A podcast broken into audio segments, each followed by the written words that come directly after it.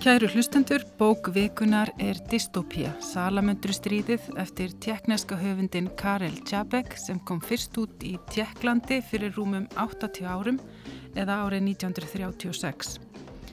Tíu árum síðar, árið 1946, var hún þýtt á íslensku af Jóhannes úr Köllum sem þýtana reyndar úr dönsku.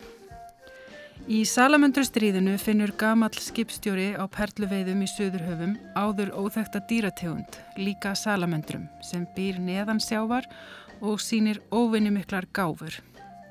Fantok skipstjóri kemst að því að salamöndrunum á kenna ímislegt og milli hans og salamandrana myndast nokkus konar viðskiptasamband. Þær fær honum perlur og í staðin fá þær nýfa, hjólpurur og önnur verkværi sem þær gyrnast, auk þess sem hann skapar aðstæður fyrir fleiri neðansjávar nýlendur, þessar að nýtsumu dýra. Smám saman fara fleiri að nýta sér salamönduru sem ódýrt vinnuafl eða þræla, þær ganga kaupum og sölum, eru til sínis í dýragörðum og furðusýningum og breyðast út um allan heim. Þær þróa sín eigin neðansjávar samfélög og hefur að lokum fjölga svo mikið að það nýta tækni sína og hugvit til að sökva landsvæðum mannfólksins og taka þau þannig yfir. Þessi samantækt á sögutræðinum gefur þó eiginlega ekki næga insýn í það hversu fjörug og fyndin sagan í raun er, þrátt fyrir harmrænan undintón. En Guðrún Hannesdóttir Skáldkona lísti þeim eiginleika bókarinnar í viðtali í Víðsjá og við skulum heyra tvö brot úr þeirri lýsingu það væri gaman að lesa upp á bókinni en hún er svo skemmtilega skrikkjótt og stikkjótt að það er ekki mjög auðvelt svolítið að ég ætla bara að segja hans frá henni. Hún hefst eins og ævintýri í víka og afskektri eigi í Suðurhöfum uppgötvast áður óþægt skriðdýrategund. Fann Tokk, skipstjóri, upphafsmaður allsins illa sem satt sjálfur frumkvöðlinn hann situr söðdrykkin í sandinum og kemur fyrir tilviljun fyrstur kvítra manna auga á salamandrurnar stinga kollinum upp úr sjónum. Og hann lýsir þeim í bókinni svona. Þær eru um það byl á starfi sel en þegar það er trítla um á afturlöpunum eru þau svona cirka eins og tíu ára bann litlu skinnin, þær eru alls naktar eins og froskar eða salamöndrur og framlappirnar á þeim er eins og dálitla barshendur, en það eru bara fjórir fingur á þeim. En þetta eru gríðarlega vitur og indæl kvikindi og það er hauga lígi að þessi er djöflar. Salamöndru stríði, hún er hansi flókin dæmisaga um samspil tilviljana og um misnotaða möguleika og sérstaklega um skeitingarleis um hag annara. Hún er svolítið, sagan er svolítið orðmörg að því eins og ég sagði, hann getur, höfundi getur ekki stilt sig um að bregða upp uh, sprengklægilegum dæmum af viðbröðum, viðbröðum fólks við svona háskalegum aðstæðum. Hann byrtir sínisórn, sprengklægileg sínisórn úr fréttum og reydeilum og lesendabrefum og rannsóknarskíslum og yfirlýsingum bæði þeirra bjart sínu og þeirra svart sínu og þannig hérna tekstunum að bregða upp alveg magnaðri mynd af ja, algerri tvistrun og, og ráðaleysi sem við konumst vel við á hættu tímum. Salamöndrustríðið uh, má flokka sem vísindaskáldsögu en Tabek gerði tilraunir og kom fram með ýmsa nýjungar á rítumundaferli sínum. Ástráður Eisteinsson hefur líst í þannig í andvara árið 1989 að bókin Salamöndrustríðið hafi verið hvað rótækust í efnistökum og formlegu sviftingum af þeim skáldsögum sem útkomu á Íslandi á þessu tímabili. Það er 15 áratug síðustu aldar. Og eins og kom fram í máli Guðrunar Hannesdóttur þá leikur Tjabek sér mikið með formið í bókinni. Hann segir söguna frá mörgum sjónarhóttnum, stundum í formið bladagreina, jafnvel neðamálsgreina eða kaplár vísindaritum og hann skrifa líka eftirmála höfundar sem veldir vöngum upp því hvað endirinn fel í sér og hvaða bóðskap megi lesur bókinni. Sagan fylgur í sig gaggríni á auðvaldskerfið, græðki og hernaðarhugsun á mannlega hegðun sem er ekki aðeins grimdarlega hvert öðrum heldur felur í sér óhjákvæmilega sjálfstortímingu. Og þessi bóðskapur er kannski ekki síður álitin í dag á tímum yfirvofandi loftslagsbreytinga og hann var í aðdraðand og eftirmála sittni heimstyrjaldarinnar. Ég fengi tvo gæsti til að ræða við mig um salamöndru stríði. Það eru Anna Ólastóttir Björnsson, sagfræðingur og tölvunafræðingur og Stefán Pálsson, sagfræðingur. Verið velkomin. Takk. Takk.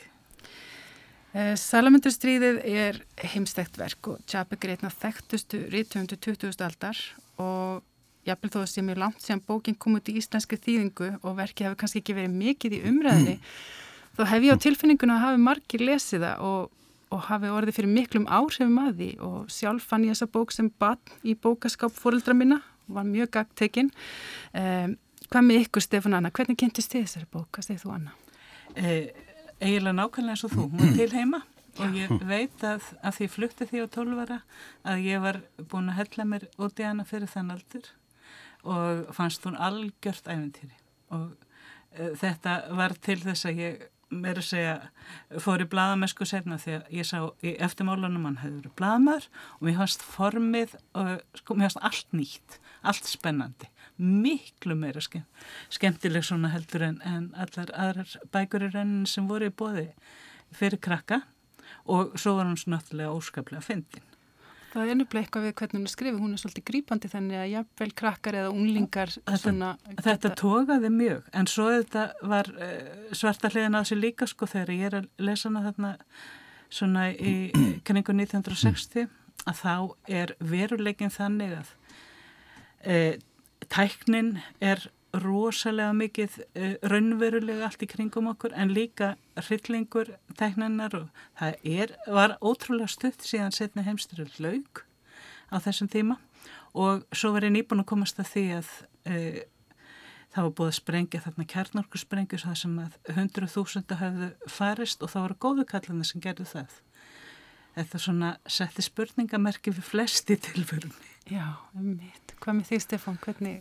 Já, það er svona svipuð, svipuð að koma og, og eina af þessum, þessum tilvíljunum, ég, ég held að sé sumari þegar ég er 12 ára, þá er ég sendur í sumarbúðir, einhvern halva mánuð, hafði farið tvu ár þar á undan á annan stað og eins og bara gera, þá reknaði með þetta er alveg nákvæmlega eins. Það gamla staðnum hafði finnist mjög skemmtilegt og þar hafði verið mikið að bókum, þannig að það var nú engin ástöld að taka með sér nema kannski eina, tvær. En svo var ég orðin árinu eldri dreflitist og ekki bóka finna en, en ég hafði jú tvær bækur með mér og önnur þeirra var Salomöndru stríði þannig að þetta er nú svona einn fyrsta bókin sem ég les sko marg oft, trekk í trekk og, og, og, og svona fram og tilbaka. Og ég held líka að þetta hafi alveg átt svona þátt í því hvaða braut maður valdi sér. Ég, ég manna mér fannst svo, svo merkilegt með verk sem að skrifa svona rétt fyrir setni heimsturjöldina og þá sögu taldi maður sig þekkja rækinn fram og tilbaka og, og einhvern veginn að það, svo þróun hefði öll verið svo, svo óumflíjanleg og þá fannst mér einna áhuga að vera svona við, við lesturinn á þessum tíma hvað svona sín manns sem skrifar hálfgerða spásögn rétt áður heldur en að stríði skellur á hvað hún var þó frábröðin því sem að svo gerðist. Sovjetrygging kom ekkert mikið við sögu í þessari, þessari bók en þeimun meira púðri varið í mögulegar erjur engleitinga og frakka, svo það er mér sér tekið. Og, og svo aftur þetta, formið er náttúrulega alveg, alveg magnað og, og, og e, plottið æsir spennandi. Þannig að hún, þessi bók hefur virkilega haft svona áhrif á ykkar líf og, og ég vil ákverðanir sinna meir. Já, ég, ég meina að segja það. Já, ég geta alveg sagt það sama og svo eiginlega sko kemur þetta aftur í, næst kem ég svona hellið mér út í hana sko þegar ég er byrjað að læra sakfræði og reynda bókmyndasögur líka því það var aukafæði mitt. Já. og þarna þá bókmyndasögur fólkinu fannst þetta nú ekki merkileg skrifa þeim tíma sem ég er þarna. En uh, þá er ég óskaplega upptekinn að þessu sakfræðilegu mátun sem að Stefan var strax komin í. Já. Ég fór ekkert að máta að finna svona upp á tvítugu e, við staðrendinu. Ég var bara svo upptíkin af verkinu ævintýrinu og frásakna mátan. En síðan kemur hitt svona í kjálfæri. Þannig að þú hefur svo, líka lesið hana oft. Já, ég eh, gæti ekki annað sko en, en svona á kannski þremur perjótum tilverunar. Ég, þannig að með tímabilinu þá eiginlega var hann hvað leiðilegast því að ég var alltaf á mátana við sögun og það einhvern veginn, ég er sannlega lendi þess að þú gerði mikið grein fyrir því sem þú þetta tannar Stefan, að þetta, þetta passaði ekki alveg í Nei. svona, má, mátaðist ekki alveg rétt með að við sömt annað sem ég hafði lesið. Nei, en það var alltaf við því að búist þið að skrifa til dæmis fyrir heimsturveldina. Nei, og það má kannski veltaði fyrir sér sko hvort að þetta sé ekki hvort þetta sé ekki bara ákveðin ég hef föllin sem bókin á við að stríða að svona dystopíst verk sem fjallar um, um uh, einlega bara heimsendið að mögulega útrýmingu mannkins sem er skrifuð þarna á setni hluta fjóraðaratúarins við munum aldrei geta skilið hann að nema í ljósi þess sem síðar gerðist. Sumu leiti og, og fyrir vikið þá er hann kannski erfiðar með að sjá hann okkur tíman sem það bókmyndaverk sem hún vissulega er. Má kannski að mörguleiti líka þessu við eins og til dæmis bara atomstöðuna eftir lagsnes sem einhvern veginn verður aldrei það verður aldrei rætt um hana öðruvísi heldur en svona í ljósi þeirra atbörða sem gerðurst nokkur árum eftir rittunatíman einhvern í NATO og delunum um, um, um erin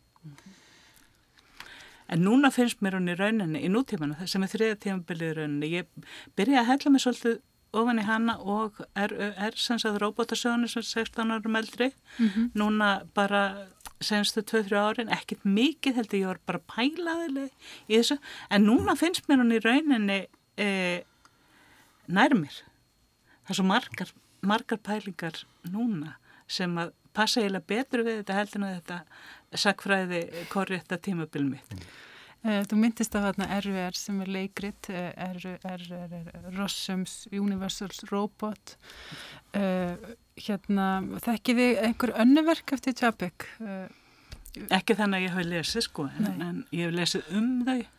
Já, ég greipi nýður fyrir einhverju missurum, þá greipi ég nýður í smásögur sem hann skrifaði eiginlega upp úr personum nýjatestamentisins hann er gríðarlega fjölbreytilegur maður fórt aldrei á stúfana alltaf að sjá hvort það væri ekki einhverja svipa aðrar bækur í sama dúr mm. en, en það ægir eiginlega öllu saman í hans höfundaverki og, og, og svona ég held að sé nú ekki, ekki, ekki margt svona sem að e, eigi mikið skilt við þessi tvö verk sem, mm. sem eru í upphafi hans ferils og í lokin þetta leikrit og, og, og, og svo, svo, svo salamundurstrið. Þannig að við greinlega mjög gaman af því að gera tilhörni með form og apa eftir stíla eins og maður sér í þessari bók þá er hann að yeah. leika sig með að skrifa texta sem er eins og vísindarit eða eins og bladagreinar eða glesindabrif og svo framvegist. Sem, sem er mjög snjált vegna þess að ef hann hefði ætlað að koma þessu öllu frá sér í samfæltum texta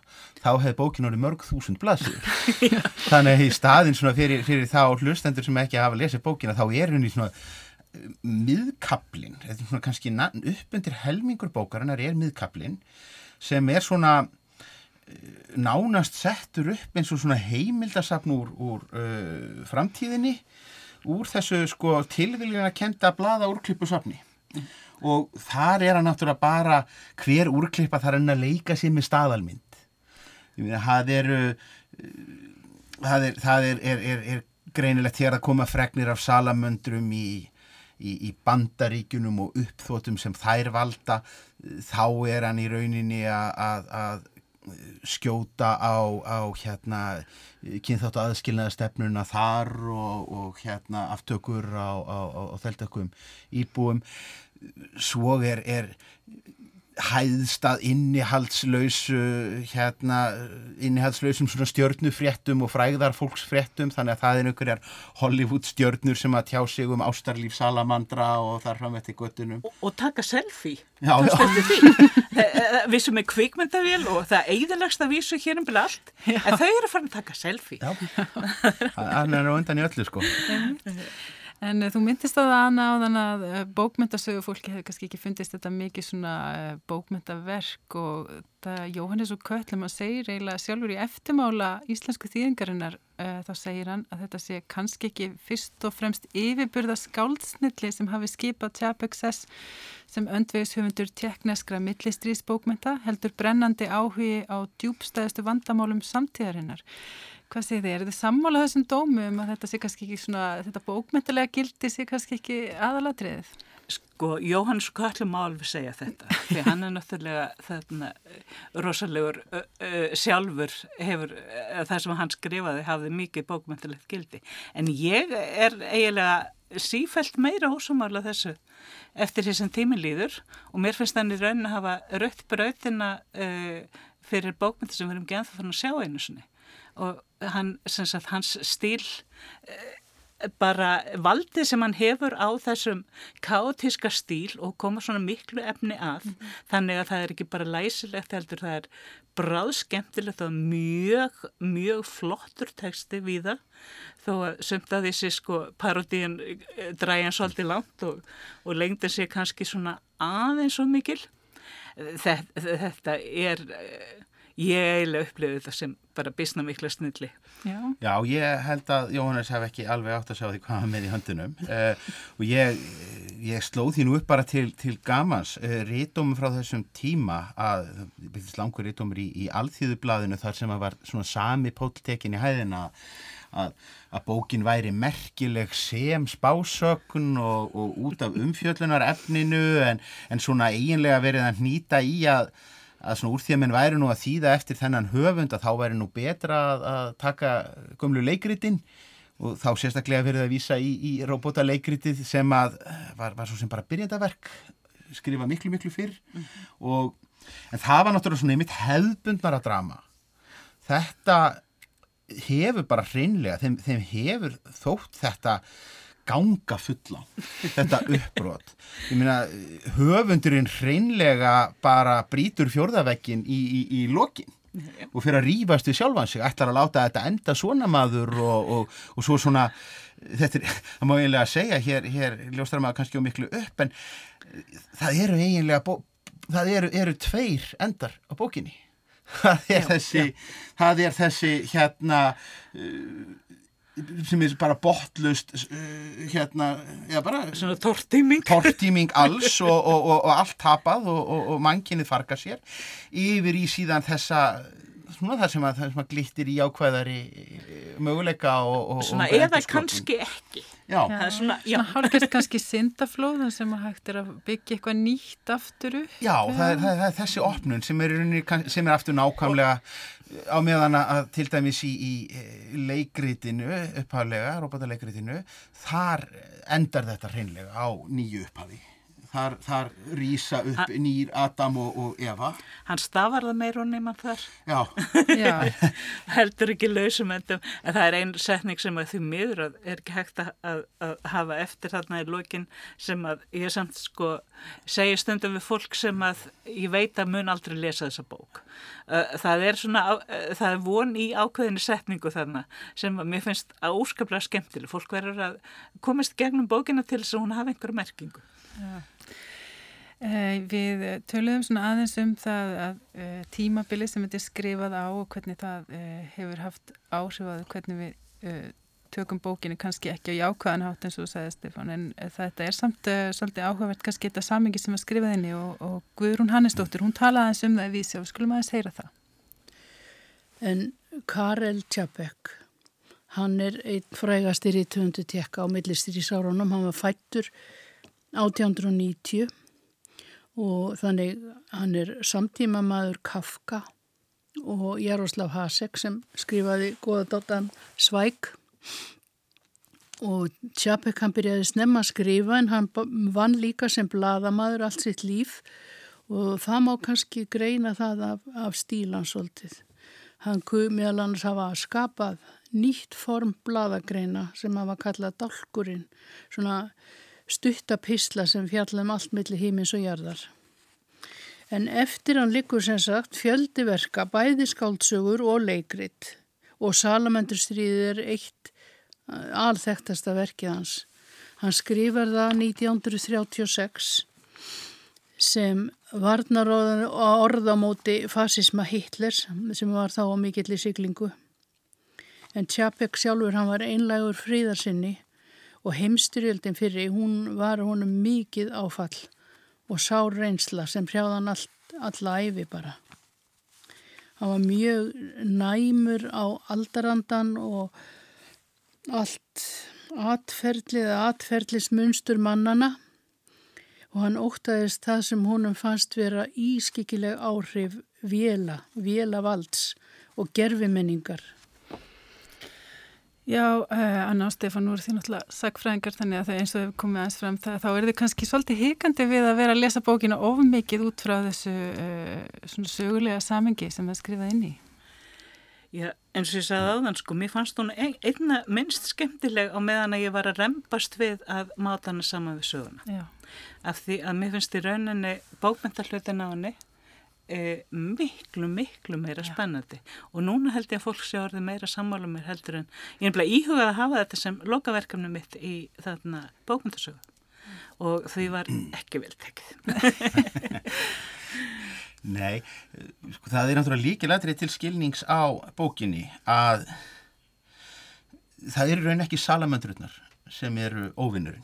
Mm -hmm. Það eru mennitir sjálfur og þetta er, þetta er ekki bók um utanakomandi, ekki, ekki svo mikið bók um utanakomandi óvinn sem kemur og, og, og kremur síðan mannkinnið undir, heldur þetta frekar spurningum mennina sem fljóta svo að þetta feðarósi.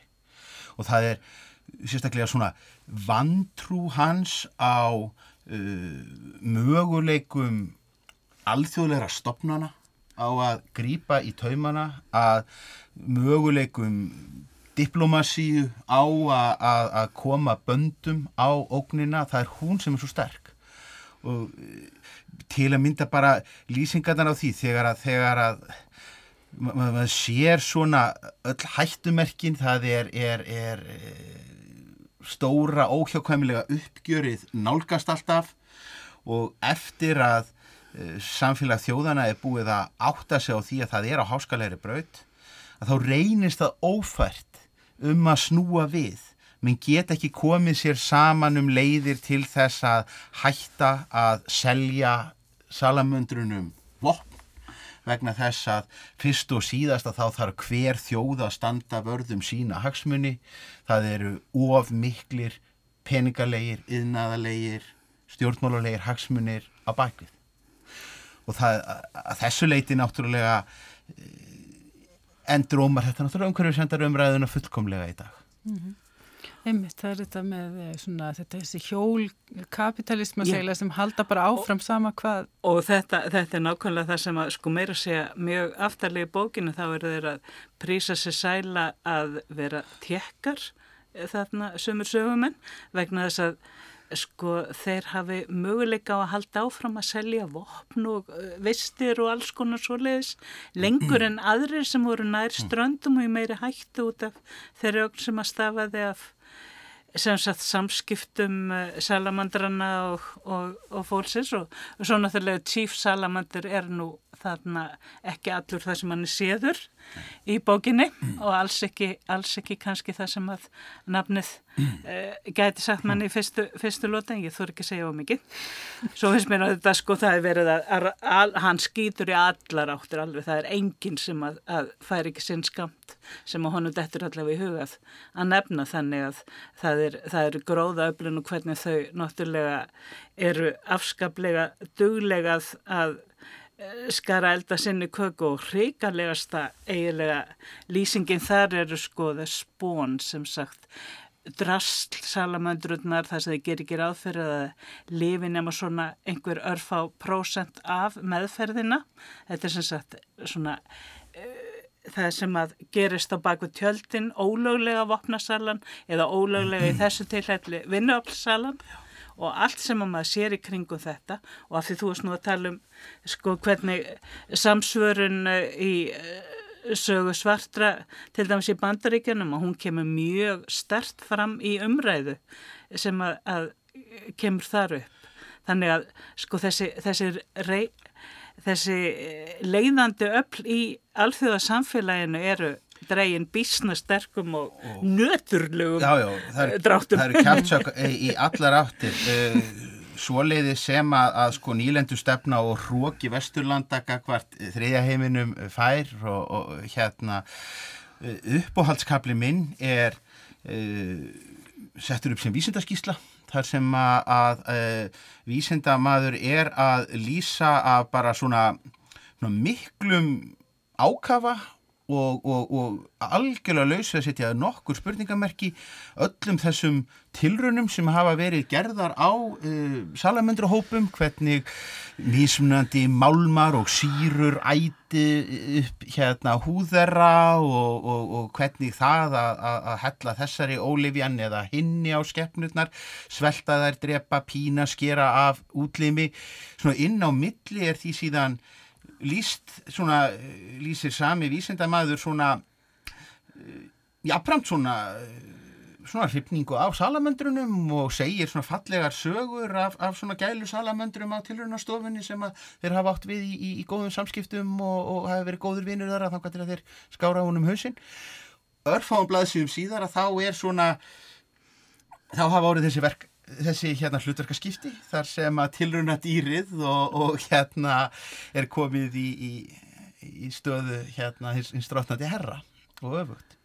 Þannig að það, það er svo margt í þessu. Það eru það, það eru hreyfingar eins og sko mér að segja sko tungumála umræður og, og, og, og skólamála fá sinn, sinn skerf því að auðvitað komið sér ekki saman um það hvaða tungumál skuli tala við salamöndur, hvert stór málsvæðið gerir tilkall til að það skuli vera sín tunga og svo eru nú einhverjir esperantista servitringar sem að gera tilraunir með það og ennarir vilja endurvekja latínuna. Það er þrefað um það hvort að salamöndur þurfi að lesa Cicero og hvort að hvern salamöndurnar þurfi ekki að læra hannirðir og svo framvegis. Og sko leiðin, leiðin í rauninni frá þessu ég var myndið að hugsa um það þegar þú varst að tala um þessa hrikalega skýslu sem að líka stakk mig.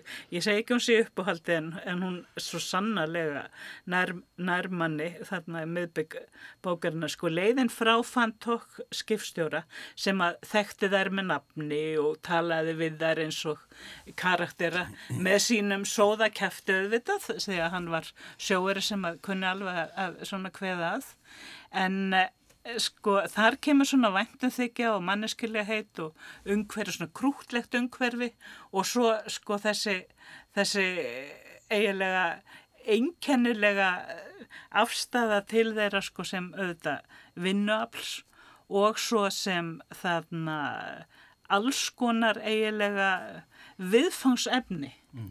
sem að eru bara eins og fólki hafi verið fært þarna eitthvað viðfársefni, svo kunnaði náttúrulega ekkert að vera með það eins og fá fullt af perlum og svo allt í hennu falla perlur í verði, hvað skal þá gera? Og það er svo margt, það er svo mörgum spurningum veld upp í hverskipt sem ég lesa þessa bóka þá er ég að gera nýjar uppgöndunir og kem sjálfsagt til með að halda áfram að gera það.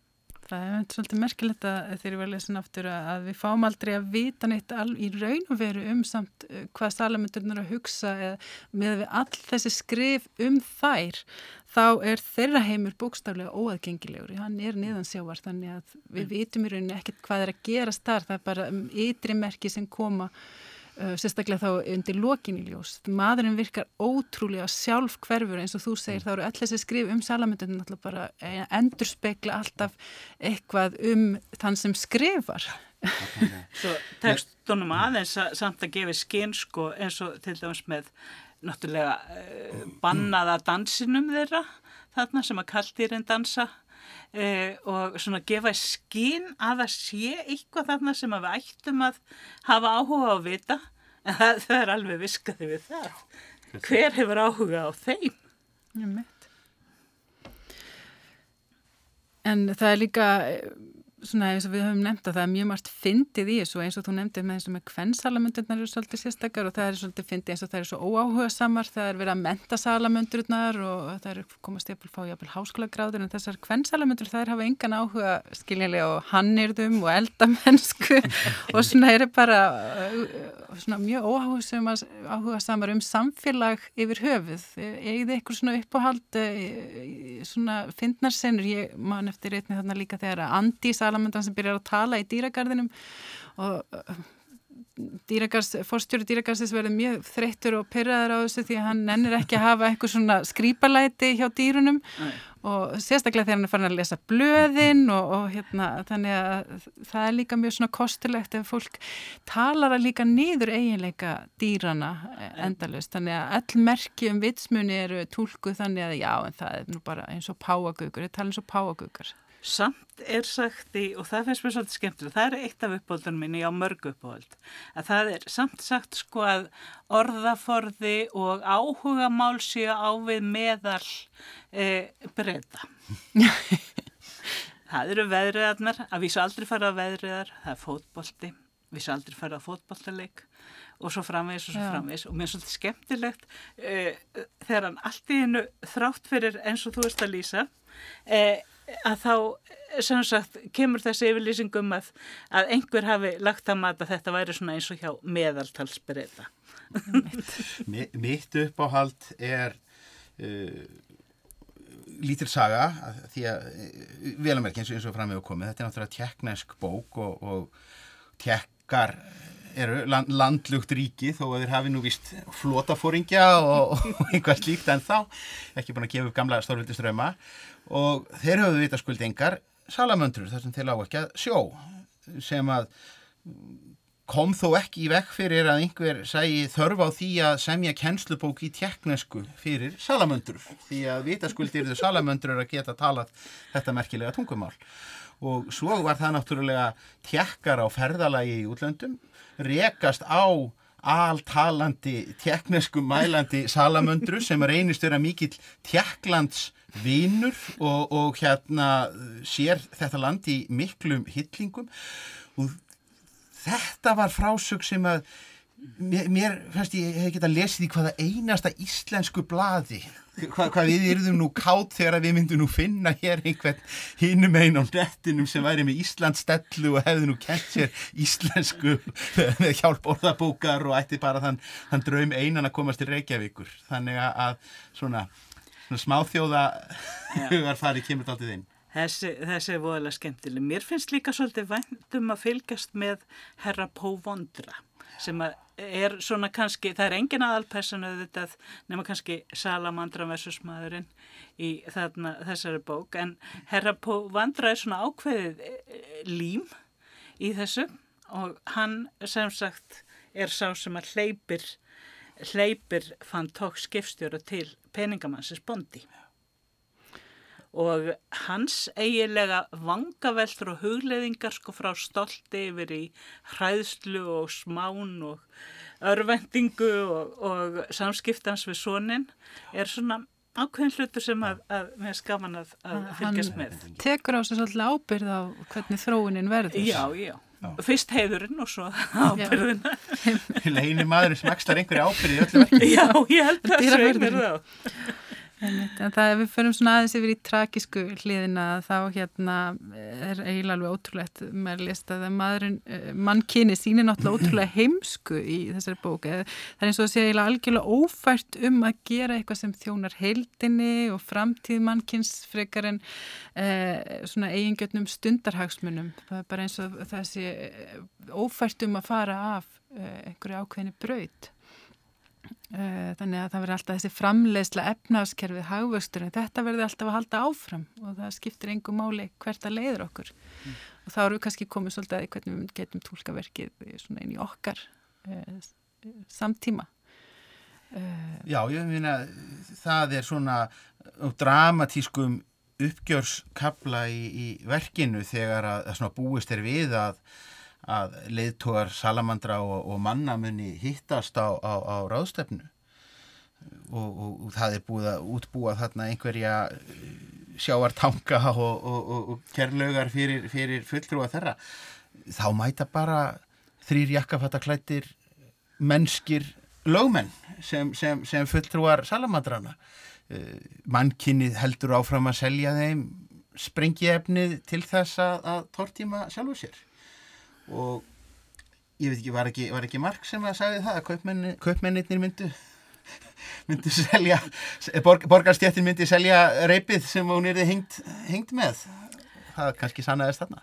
Eh, Það sem að mér finnst í rauninu okkvæmlegast í þessu er að þetta er svo skrambi samfærandi þegar hann er að lýsa allra þessari flónsku og heimsku og taka dæmi og þessari þarna, já, á köplum ylsku náttúrulega fullkomlega, það er fullt af fólki sem gerir sér alveg grein fyrir hvert þetta leiðir.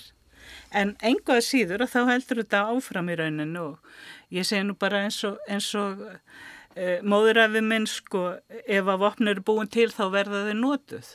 Þetta uppliði hann tvær heimstyröldur og, og e, þarna, það er í rauninu svolítið það sem að mér finnst við sitja uppi með að, að sko hver, hvað getur eiginlega stoppa þessa uh, þarna dómadagsheimsku mm.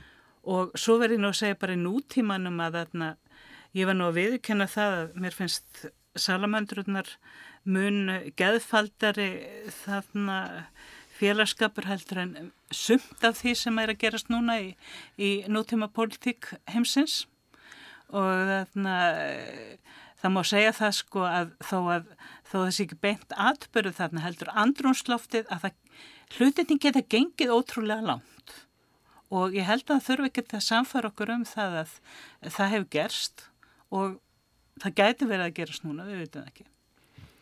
Það er kannski svolítið erfitt stundum að átta sig á afstöðu höfundarins því eins og ég nefndi þá við fáum svo margar rattir þarna og meira segi í eftirmálanum þá talar höfundurinn við sjálfa sig og uh, svona rýfst svolítið við sjálfa sig hvort hann ætli virkilega að vera svo uh, svart sín á framtíðina. En hérna svona, uh, svona ef þeim finnst ykkur svona yfir höfu þetta að vera mjög svart sín niðurstaða í rauninni á mann kynið í upplegið maður, er miklu auðveldra með að skilja bókum ílsku þessi er um græki og heimsku. Og hún er miklu ílfiðráðanlegri þú semur ekki við hana. Nei og uh, mér finnst í rauninni að við séum stöðsóldið á því að e, það ætti að vera hægt að gera hlutina skynsanlegar e, þrátt fyrir græðgina og heimskuna. En e, það er val og það er ekki fyrirhafnalust og það er akkurat kannski e, það sem mannkinn er að glýma við þessa stundin er alltaf mikið og það er tölvert sem er val og það er tölvert sem er vita og það er tölvert sem er hægt að gera en það er ekkert verið að gera neitt mikið í því. Það er kannski svolítið sorglegt að þessi bók er svona alveg eiginlega jafn, uh, segja, já, hún er jafn ágeng við mann í dag og, og auðvitað þegar hún var skrifuð. Bráðum verða komin hundra ár og það er kannski ekki, ekki svo mikið breystið í hvernig við... Mætti, mætti gjarnan koma út aftur og ég veldi líka fyrir mig hvort að mætti ekki þýðan aftur því að, að þó svo að Jóns og Köllum hann til að verið frábærið töfundur þá er þetta gert úr dönsku mm. þetta eru unnir rætt, það sést á nokkrum stöðum, það eru meira að segja klauvalegar villur á stökustaf og það sem er kannski frekar er það að það er svo oft notað svona slangur og slangur og gödumál það, það, það eldist svo illa og, og, og, og hérna, óþýtt orð. Óþýtt orð en, en ekki að segja það að, að svona kaplanir það sem að verið er að herma eftir einhverju sjóaramáli fjórða áratugarins í þýðingu fynda áratugarins það er bara alveg út úr kú ári, á Íslandi árið ári 2018 þannig að, að það væri, það væri nú ansi gaman ef við fengjum nýja þýðingu og jafnvel úr frumálunu vegna þess að það má ekki gleyma því að svona að Tjabek er nú einna þekktastur einmitt vegna þess að hann og Jaroslav Hasek eru menniti sem leggja grunninn að nútíma bókmentum á teknesku. Landi náttúrulega nýjórið frjálst og ekki ljóst hvort að mann getur skrifa fagurbókmentir á teknesku. Þannig að þetta er svona verkefni fyrir metnaði fulla þýðendur. Já, við, Og ég vonaði verður því. við óskum bara eftir því hér í lokin að, að fá nýja þýðingu og vonum einhver bregðist við. En við erum hér að ljúka umfjöllun um bókvikunar Salamundur stríðið eftir Karel Tjabek og hjá mér eru Anna Ólastóttir Björnsson og Stefan Pálsson og ég vil þakka þeim fyrir góðar umræðar um bókina. Að lokum vil ég minna hlustendur á heimasíðu þáttarins rú.is skástrygg bókvikunar og þar má finna upplestra á viðtöl sem tengjast bókum vikunar hverju sinni. Verið sæl.